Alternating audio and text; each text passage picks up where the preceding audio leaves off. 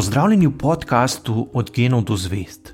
Moje ime je Sašo Dolinc in pripovedoval vam bom zanimive zgodbe iz sveta znanosti.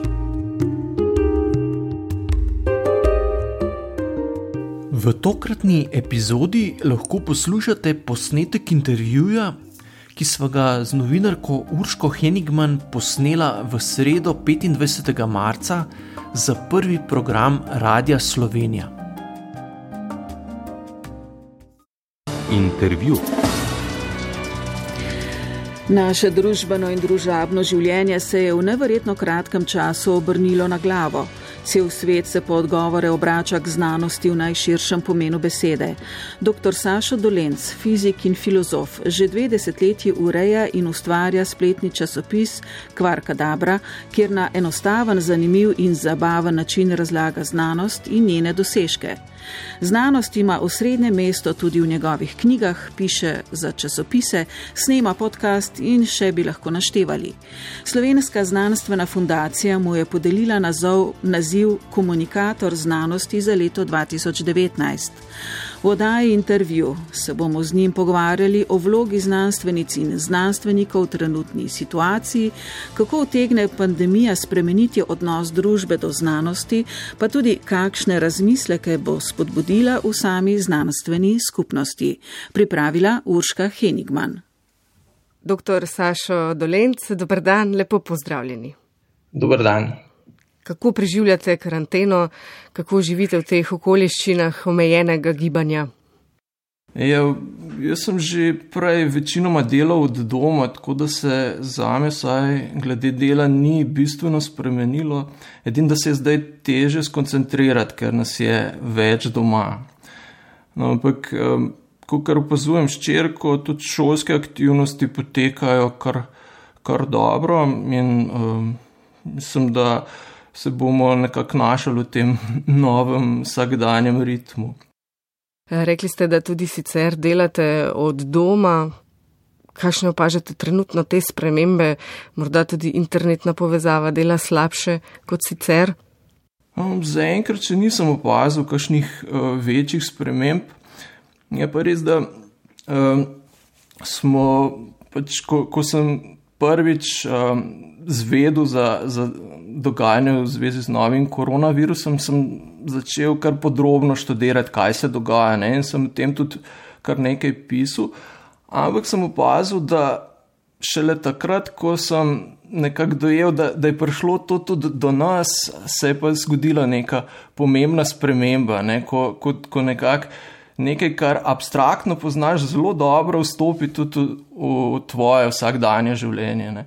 Pri meni se je to zgodilo, ko me je kolegica poklicala še pred uh, temi ukrepi, ki smo jih sprejeli v Sloveniji, in mi povedala, da je njena ščirka um, bila v stiku z nekom, se, za katerega se je izkazalo, da je pozitiven. Ne. In uh, takrat sem šele nekako dojel, da gre za res tudi pri nas. Ne. Kaj pa zdaj opažate pri sebi osebno, morda uh, čustvena stanja, kako se vam spreminjajo, kaj dela bolj racijo, bolj čustva? Ja, treba je kombinirati nekako oboje. Ne. Mislim, da uh, smo več ali manj, vsaj pri nas, ker še ni tako hudo, kar dobro to vse uh, sprejeli ne? in ljudje dokaj racionalno se odzivajo na dogajanje. In mislim, da uh, če bo tako potekalo tudi naprej, da bo, da bo v redu. Gre pa za uh, nekaj, kar se dogaja povsod po svetu. Človeštvo bi lahko rekli prvič v situaciji, ko se je javno življenje ustavilo, naše gibanje je omejeno. Marsikdo je zaradi tega izgubil delo, pa izgubil službo, dohodek, prihodnost je nekako negotova za vse. Poleg naše imunosti so tako zdaj na preizkušnji ti sistemi, ki smo jih eh, zgradili, torej zdravstveni sistem, šolski sistem, politični, ekonomski sistem, pa seveda družba, kultura, vrednote, morala. Kakšna je v tej situaciji, tej trenutni globalni situaciji, po vašem mnenju, vloga znanosti? Ja, mislim, da je znanost zelo ključna v tem trenutku. Ne. prav teoretiki znanosti so dali primer odziva stroke na tisto prvo epidemijo SARS-a leta 2003 kot primer um, trenutka, ko je znanost res optimalno delovala. Ne. Takrat še ni, nismo imeli tako močnih teh uh, mednarodnih zvez uh, s pomočjo interneta, kot jih imamo zdaj. Ne. Zato so takrat, ko so v nekem trenutku ugotovili, da gre za res, je Svetovna zdravstvena organizacija poklicala najboljše znanstvenike z tega področja preiskovanja virusov in ustanovila neko, neke vrste posebne povezave, neko skupino, kjer so si lahko oni zelo hitro izmenjavali vse podatke, do katerih so prišli do, med raziskovanjem tega virusa. In to se je izkazalo kot izjemno učinkovito. Ne. Vse so si delili, vsak dan so imeli videokonference.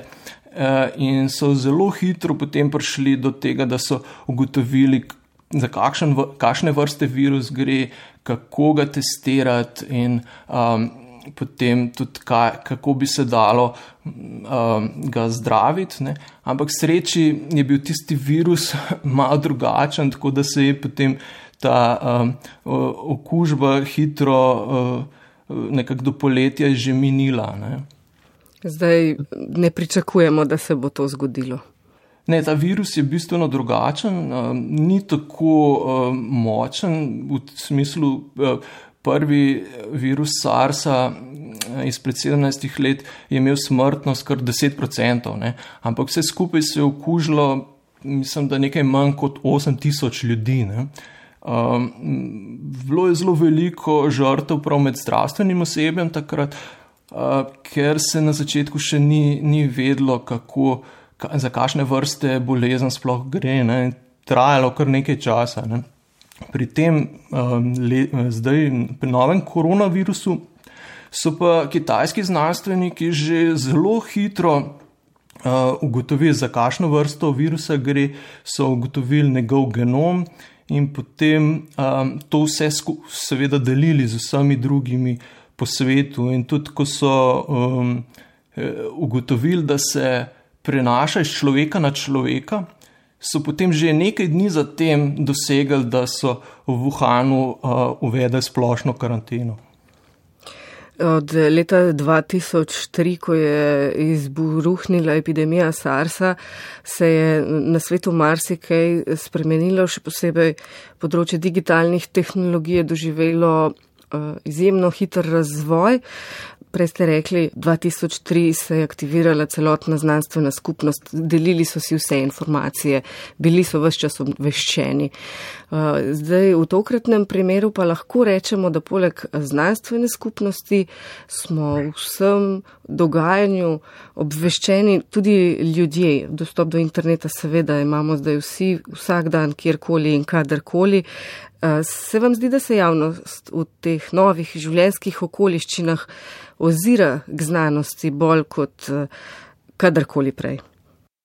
Ja, jaz mislim, da ja, vsaj ko kar uh, tudi vidim potem, koliko je porasel promet, uh, obisk naše spletne strani, ne, kvarka dobra, um, kjer ljudje lahko prebirajo prav članke o virusih, kako ti delujejo. Ne. Tako da mislim, da zanimanje za neke verodostojne informacije, ki so razložene na tak način, da jih lahko vsakdo vsaj do neke mere, mere razume, mislim, da um, je zanimanje za take informacije zelo veliko. Ne. In uh, tudi pomembno je, da da stroka komunicira na tak način, da jo ljudje vsaj približno razumejo, ne, da ne uporablja žargona, ampak pove um, uh, pomembne stvari na tak način, da, da si ljudje lahko nekaj predstavljajo. Ne. Ker to, to kakšno, kakšno imajo predstavo ljudje o, o, o nevarnosti je zelo pomembno tudi zato, kako se bodo na njo odzivali, kako resno bodo vzeli um, uh, ukrepe. Da, ampak mislim, da zaupanje v stroko pri nas je um, kar veliko. No. Čeprav ne smemo pa zanikati tega, ne, da se je prej v javnem diskurzu, ko se je govorilo o, javn, o, o znanosti, izpostavljalo tudi problem znanosti kot vase zaprte, kot uh, neaplikativne, kot parazita na javnem denarju, ki pogosto ne da profitabilnih rezultatov. Če kdaj potem se je zdaj izkazalo, ne, zakaj jo potrebujemo. Epidemiologija, imunologija in virologija, to so zagotovo uh, v, v spredju, ko gre za naše zanimanje, no potem pa so tu seveda še psihologija, sociologija, pa pedagogika, ne na zadnje. Veliko staršev je zdaj v celoti prevzelo vlogo učiteljic in učiteljev. Pa tu so še antropologija, kulturologija, filozofija, vsi te družbeni, humanistični pojavi eh, zahtevajo razlago.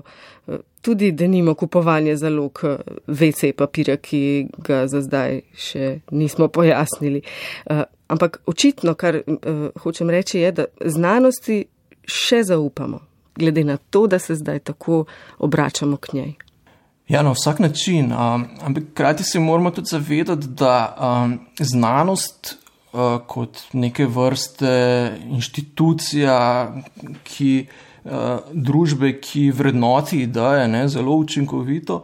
Znanost ni neko naravno stanje odnosov med ljudmi. Ne. Da znanost dobro deluje, se moramo vse čas um, truditi. Tudi sami znanstveniki so na koncu ljudje. In tudi oni morajo vse čas biti nekako napreži, da so res na nivoju uh, znanstvenika. Ne? To se pravi, da se zmeraj vrednoti predvsem ideje, ne pa kdo jih izreka. Ne? In da um, ideje so prosto dostopne vsem in da jih vsi lahko vrednotijo. Ne? Seveda na ta način, da sprejmejo pravila znanosti. Ker sama znanost je začela uh, tam pač uh, v obdobju po renesansi, ko so uh, učenjaki začeli med sebojno komunicirati, si izmenjevati ideje preko napol javnih pisem. Ne? In tam je lahko v tej pisemski republiki zares sodeloval vsakdo, ki je sprejel pravila. Uh, medsebojne izmenjave idej. Ne. In um, vse bilo je. Vsaj teoretično, povsem nepomembno, kdo si, ali si eh, plemiškega porekla ali, ali ne, ali si kakšnega spola, si iz katere države si, kakšna je tvoja religija. Važno je bilo samo, kakšne ideje izrekaš, oziroma um, ka, ka, kakšne protiargumente imaš do drugih idej, ki so jih izrekli drugi. In ta princip, ki zares ni naraven, ne? ljudje se zares ne obnašamo tako v vsakdanjem življenju, se je izkazal za izredno, izredno učinkovitega. Znanost je potem potegnila celo družbo prav s, teh, s temi principi naprej. Ne? In uh, ker nove ideje se v bistvu. Večinoma rojevajo tako, da pride do um, združevanja že znanih idej. Ne? In več, ko idej kroži, več, ko pride do teh trkov in združevanj idej, bolj smo um, hitreje prideno do napredovanja znano, znanosti. Ne?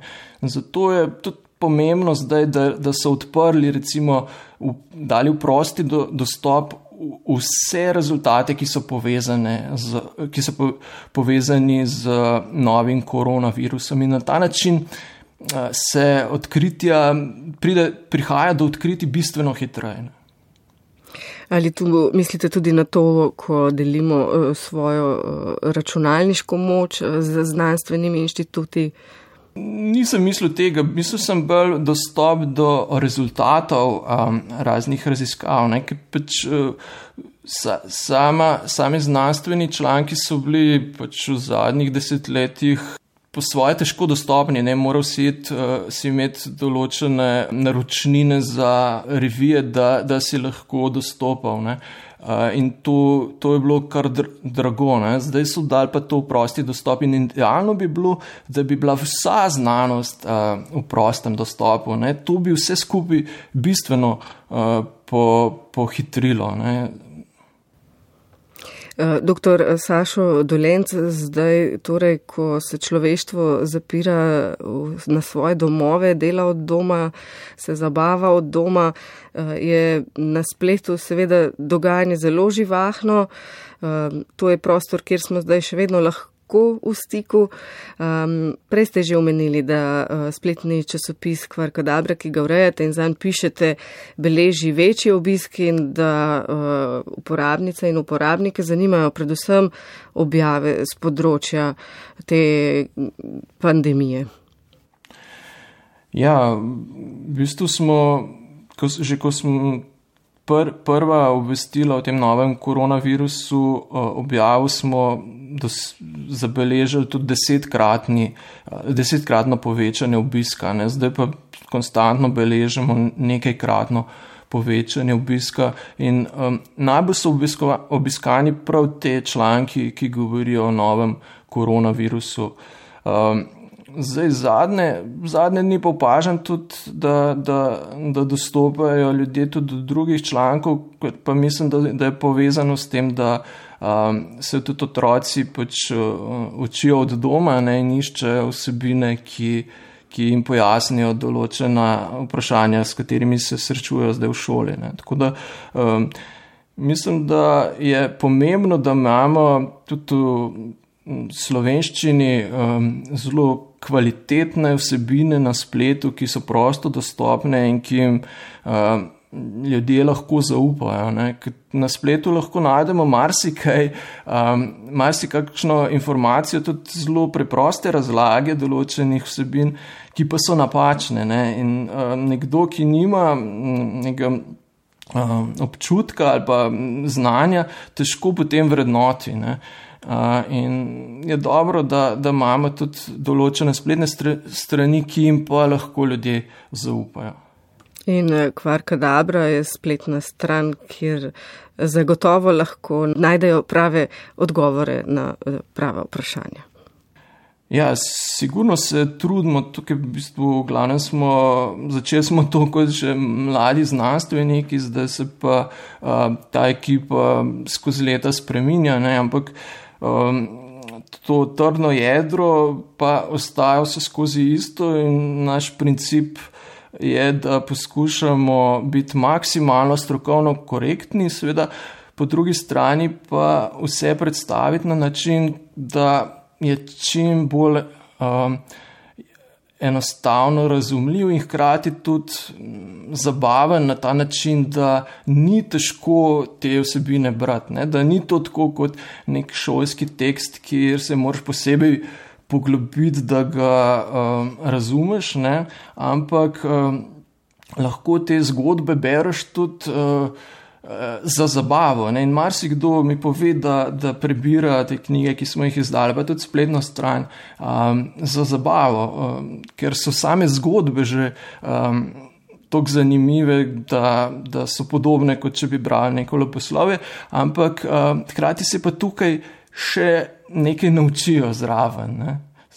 tako, brez da bi se uh, posebej trudili. Ne? In to je tisto, kar želimo gojiti, ne? nekako ta res um, malo drugačen pristop do znanosti. No? In eh, so ustvarjati verjetno tudi to družbo znanja.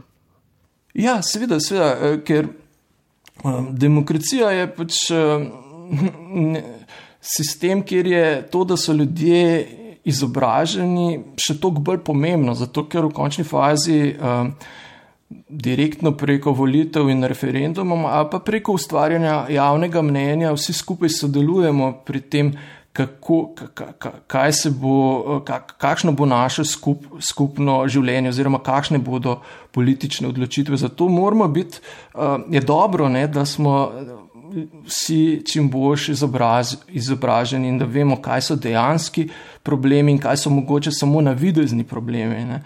Seveda je to težko, ne? ponavadi pač mnenjski voditelji potegnejo za, za seboj pač ljudi, ne? ampak dobro je, da je tudi čim več kakovostne literature na voljo, naj, najboljše v prostem dostopu, tako da imajo ljudje možnost, da tudi sami uh, si ustvarijo neko mnenje. Ne? Pa menite, da bo človeštvo znalo izkoristiti vse to znanje, ki ga je do danes eh, nakopičilo? Smo torej ta družba znanja, ki bo kos trenutnemu izzivu, dr. Sašo Dolenc, kaj menite? Ja, na, na, na vsak način mislim, da um, vsak dan se objavljajo nove, nove re, relevantne uh, raziskave. Ne. Uh, recimo Kitajci zdaj um, študirajo, kateri ukrepi pri njih so najboljše delovali, ne. kateri so bili res pomembni in kateri morda ne. In to je lahko drugim državam v veliko korist. Ne. Recimo, gotovili so, da um, so v tistem prvem obdobju po novem letu, ko um, so imeli te praznike, ne, ko je bilo um, na kitajskem prišlo do teh velikih migracij, da takrat um, se je ta okužba raznesla tudi zaradi tega, ker so bili zelo kužni tisti, ki na vzven niso kazali um, simptomov bolezni. Ne. To so zdaj za nazaj lahko uh, z z vsemi podatki, ki so jih zbrali, tudi s temi podatki o gibanju telefonov in podobno. Ne. In um, potem so ugotovili, da uh, ko so uvedli karanteno v Wuhanu, to samo po sebi takrat še ni bilo dovolj, uh, da bi zares zaustavili um, širjenje. Morali so uvesti še, so, so ga zelo počasnili, ni bilo pa še uh, ustavljeno. In zares je, da, pri, vsaj pri njih, delovalo še to, da so potem vse, ki so bili zares okuženi, odpeljali v posebne centre uh, in jih potem tam um, posebej zdravili, da so jih izolirali od še zdravih um, sostanovalcev. Ne. In um, ta ukrep je potem šele zares um, omogočil, da, da, da, da je prišlo zdaj do te umiritve ne? in da so ta vikend na kitajskem, če sem prav prebral, že odprli kinotvorane. Ne? No, tudi v Sloveniji, seveda, se je s prihodom virusa družbeno in družabno življenje v nevrjetno kratkem času obrnilo na glavo.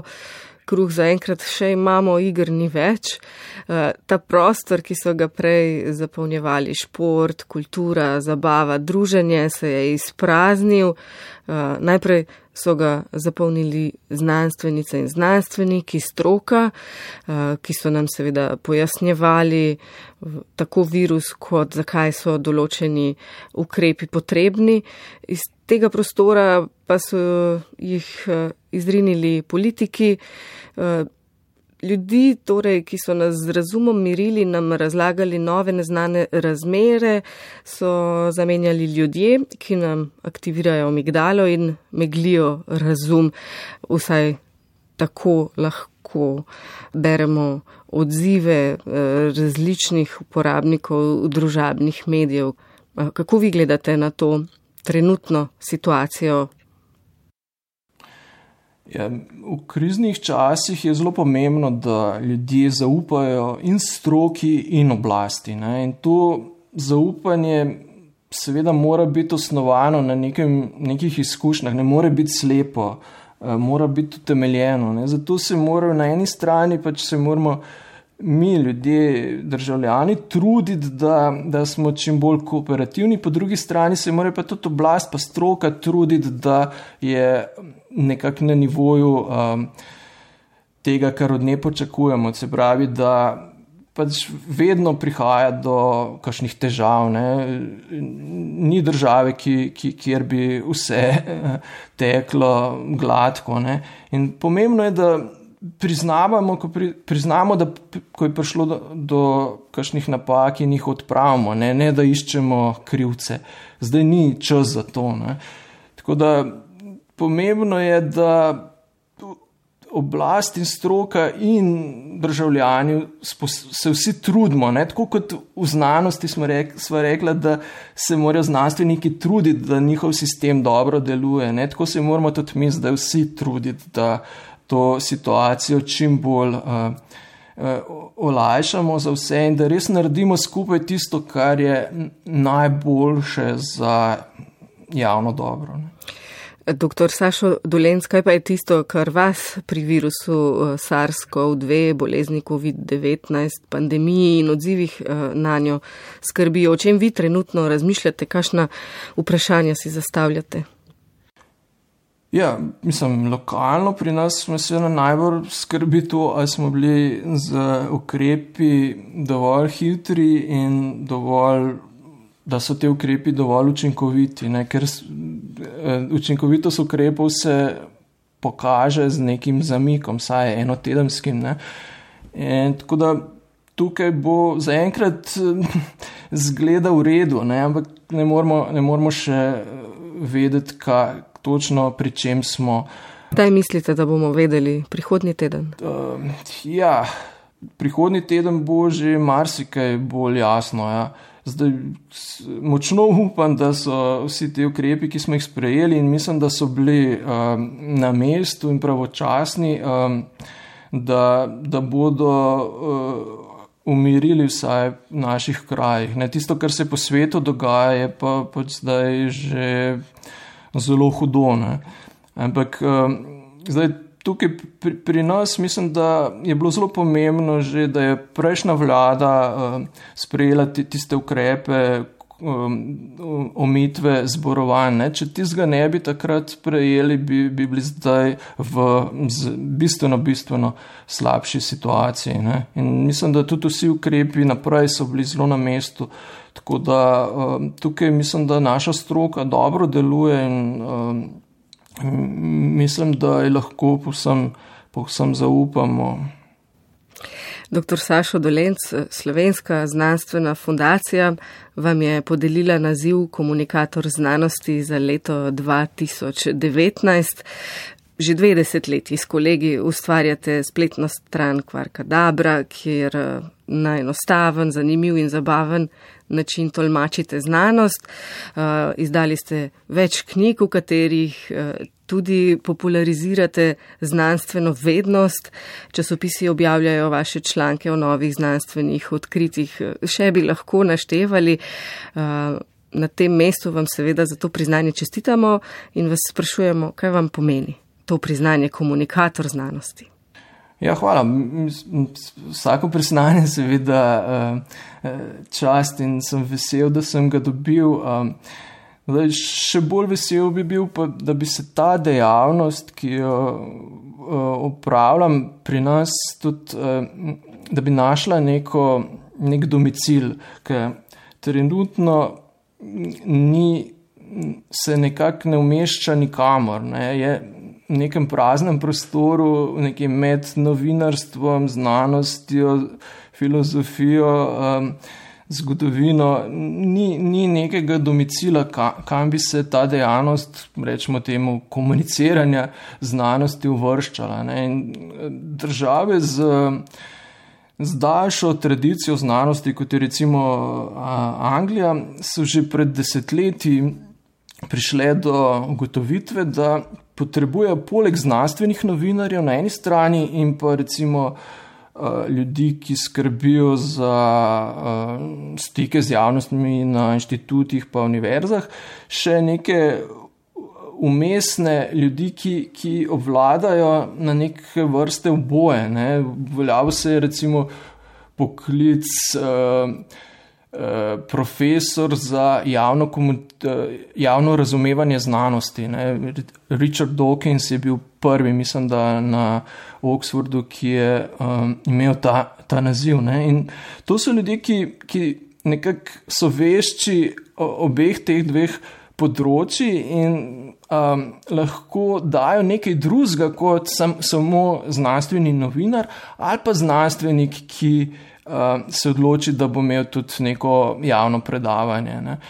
In tukaj, tukaj smo mi še malo um, zadaj, ne, ker pač zadnje čase sem kar velik uh, hodil okrog in poskušal navdušiti. Um, Uh, ljudi, ki imajo moč, da bi kaj spremenili za, za um, take ideje, ampak vsi pravijo super, super, ampak se nič ne premakne. Ne? In, uh, tukaj mislim, da še malo mal zaostajamo. Ne.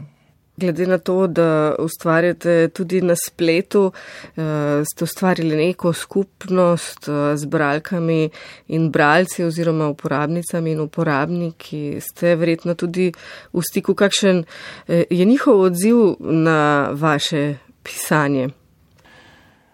Ja, do mene prihajajo sami zelo dobri odzivi. No, in vesel sem, da prihajajo tako od uh, uh, posameznikov, ki vejo zelo veliko o znanosti, kot od tistih, ki vejo zelo malo ne, ali pa nimajo nobene uh, znanstvene izobrazbe. Ne. In boji lahko iste tekste z zanimanjem prebirajo in so jim. Uh, knjige, ki smo jih zdali skupaj in tudi sam zanimivi, zanimivi za brati. Tako da mislim, da je to nek, neka zvrst pisanja, ki omogoča tudi ne samo komunikacijo med znanstveniki in širšo javnostjo, ampak tudi med uh, ustvarja neko komunikacijo znotraj znanosti, ne? ker uh, zadnje čase je prišlo do, do hudih specializacij znotraj znanosti ne? in ljudje nimajo niti več časa, da bi sledili, kaj se dogaja na drugih področjih. In da take spletna stran kot je Kvarka Dabra, ki nudi um, celo paleto različnih um, vsebin z različnih področji znanosti, tudi ne samo naravoslovne znanosti, ampak tudi um, družboslovja in komunistike. Ne? Tako da In to vse predstavljeno na način, da lahko vsakdo razume in si ustvari neko osnovno razumevanje nekega področja. Ne. In to, to se mi zdi, da je nekaj, kar koristi ne samo družbi, ampak tudi sami znanosti. No. Doktor Sašo Dolenc, kako pisati o znanosti in znanstvenih odkritjih v času, ko se teorije zarot nezadržno širijo uh, po spletu. Vse smo jih poznali že prej, teorije zarot niso nekaj novega, ampak zdi se, da, na spletu, da so te na spletu našle tako okolje, uh, kjer se dlje in uh, trdneje obdržijo. Um, Kako si recimo razlagate teorijo o ploščati zemlji in kako je mogoče, da se je pojavila in da je leta 2020 še vedno tu? Kaj je krivo za to? Ja, te, te razne teorije zarote so tako kot neke vrste, neki miselni virusi, no, ki se zelo hitro širijo in se veliko krat jih je nek užitek v tem, da, da poveš to drugemu, ne da bi to zares sam verjel. Ne. Zato je ponovadi dobro, da teh virusov niti ne ponavljamo, ne. Da, da, da jih probamo ignorirati, ker so kot neke vrste trači, ki pa so lahko velikrat škodljivi. Tako da jaz se predvsem trudim, da bi um, utemeljene ideje. Uh, preoblikoval v take zgodbe, da bi šle enostavno v šesa, da bi jih ljudje takoj dojeli, predvsem s eh, pravimi prispodobami. Eh, tukaj sem gotovo, da so pomembna tudi uh, čustva, ki jih ljudje razvijajo med branjem zgodb, tudi o znanosti. Ne. Včasih se komu zdi, da je dovolj, da pove samo dejstva preverjena v pravem zaporedju in bodo ljudje to sprejeli in razumeli, ampak ne. Zdaj, tisto, tiste ideje, ki zares um, pridejo do ljudi in eh, jih ljudje, z, bralci, z lahkoto ponotranijo, so praviloma take, ki spodbudijo tudi uh, čustva. Ampak ne, ne samo čustva veselja, pa žalosti, um, ampak tudi čustva navdušenja. Ne, um, in podobna, ker na ta način več eh, raznih eh, predelov možganov stimuliramo in je bistveno laže potem si zapomniti neko informacijo. Ne? Ker vse vemo, da zgodbo, ki jo slišimo, si zelo enostavno zapomnimo. Telefonsko številko ali pa mm, številko računa neke kartice si pa težko zapomnimo. Ne? In um, tudi načini, kako memorirati um, neko zaporedje števil, so v bistvu taki, da ta naključna števila z raznimi tehnikami potem ljudje pretvorijo v neko zgodbo, uh, tako da si lahko na ta način jih zapomnejo. Ne. Bi torej rekli, da je formula, ki pritegne bravke in bravce, torej zgodba, ki nagovarja tudi naša čustva. No, seveda, zgodbe so po definiciji, po moje, že zmeraj saj morajo, morajo spodbuditi določena čustva. Drugače, težko govorimo, sploh, da gre za neko pravo zgodbo. Ne. Ampak tisto, kar ni enostavno, vsaj v znanosti, eh, ko pač poskušaš znanost pretvarjati v zgodbe, je pa, da uh, tukaj si lahko hitro na nekem spolskem terenu rabiš uh, kar nekaj izkušenj, do katere mere lahko stvari poenostaviš ali pa um, prilagodiš, uh, da, še, da bo pač ta zgodba še zmeri. Uh, verno opisovala posamezno znanstveno idejo ali pa teorijo, hkrati pa bo šla enostavno v šesa ne, in ljudem nekaj pomenila. In tukaj pač rabiš določene izkušnje, hkrati moraš zelo dobro uh, poznati sebino. Ne? In več, ko, ko delaš na tem področju, potem boljši si. Ne?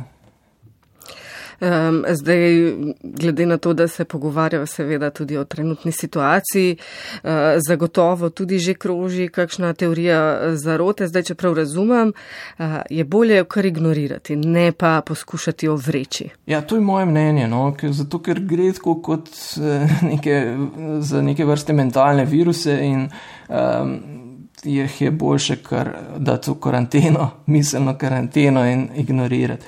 Ker um,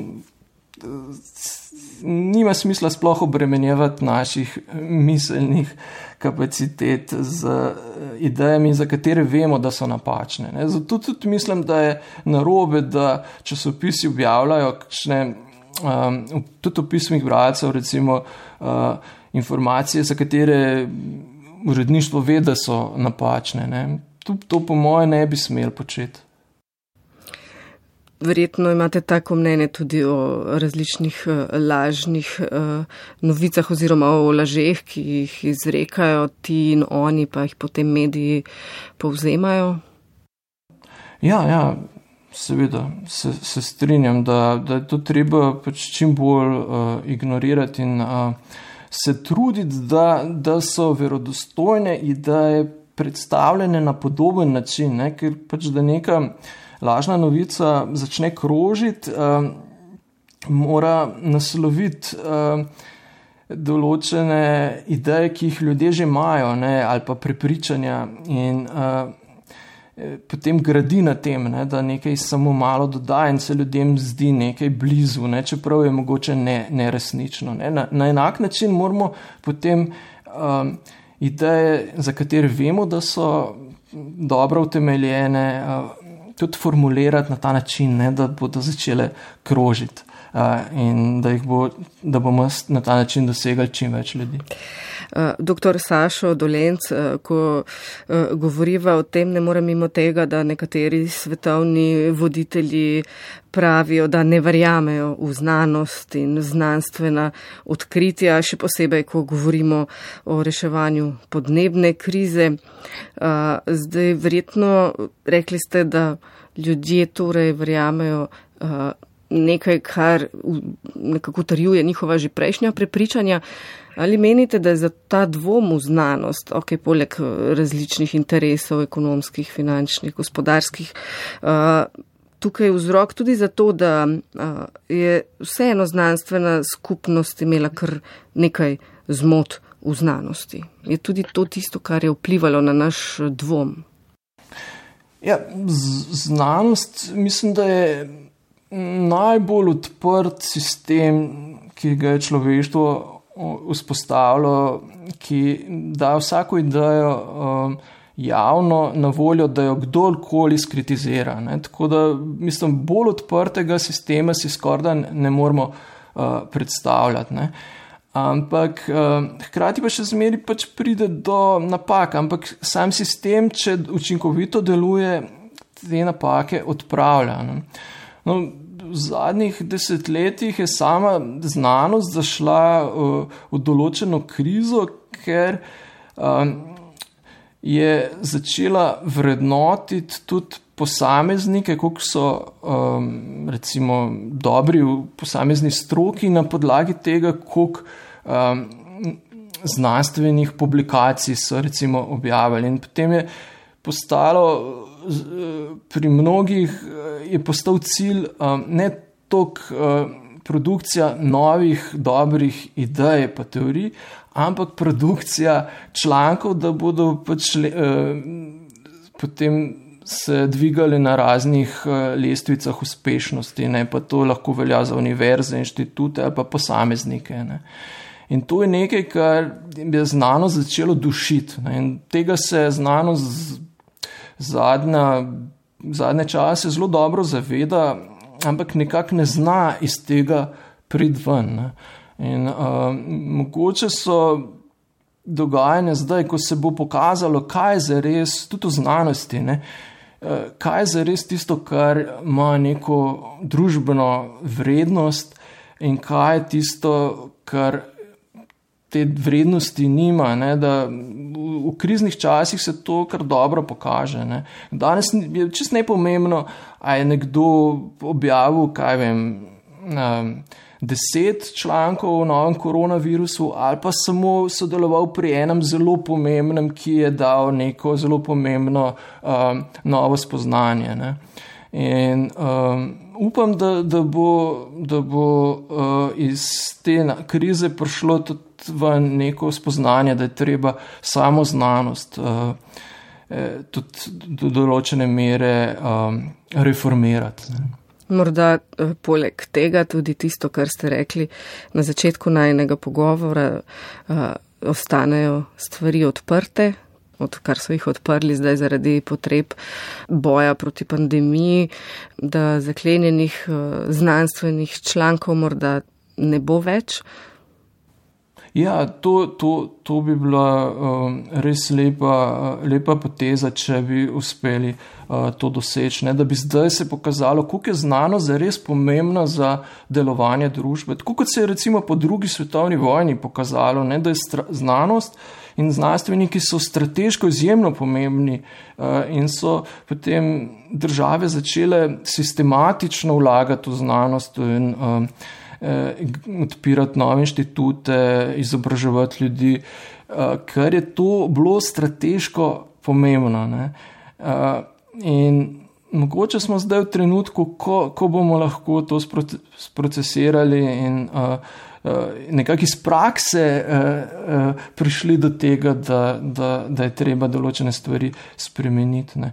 Ker recimo tudi. Eh, Velika epidemija kuge v srednjem veku, tam sredi uh, eh, 14. stoletja, ne, ko, pač, ko je v Evropi ocenjujejo, da je v nekaj letih pomrlo med tretjino in polovico vsega prebivalstva takratnega Evrope, ne, um, je zbudila na eni strani potem s časom renesanso, ne, po drugi strani pa takrat tudi veliko zelo negativnih uh, reakcij. Ne. Recimo, močno se je povečal antisemitizem, um, deloma utemeljen s tem, da, da so bile uh, ži, židovske četrti zelo zaprte in so potem tudi manj smrti utrpele. In to se je zdelo ljudem recimo čudno. Ne.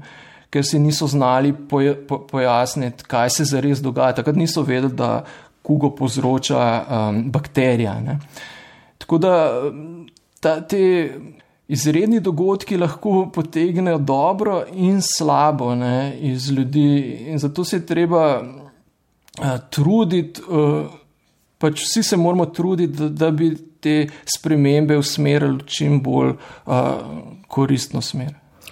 Doktor eh, Sašo Dolenc, eh, končajva s to lepo mislijo, ta naj pogovor, najlepša hvala za vaš čas eh, in za vaše razmisleke. Ja, najlepša hvala za povabilo. In en lep pozdrav vam želim. Ostanite zdravi. Enako, hvala.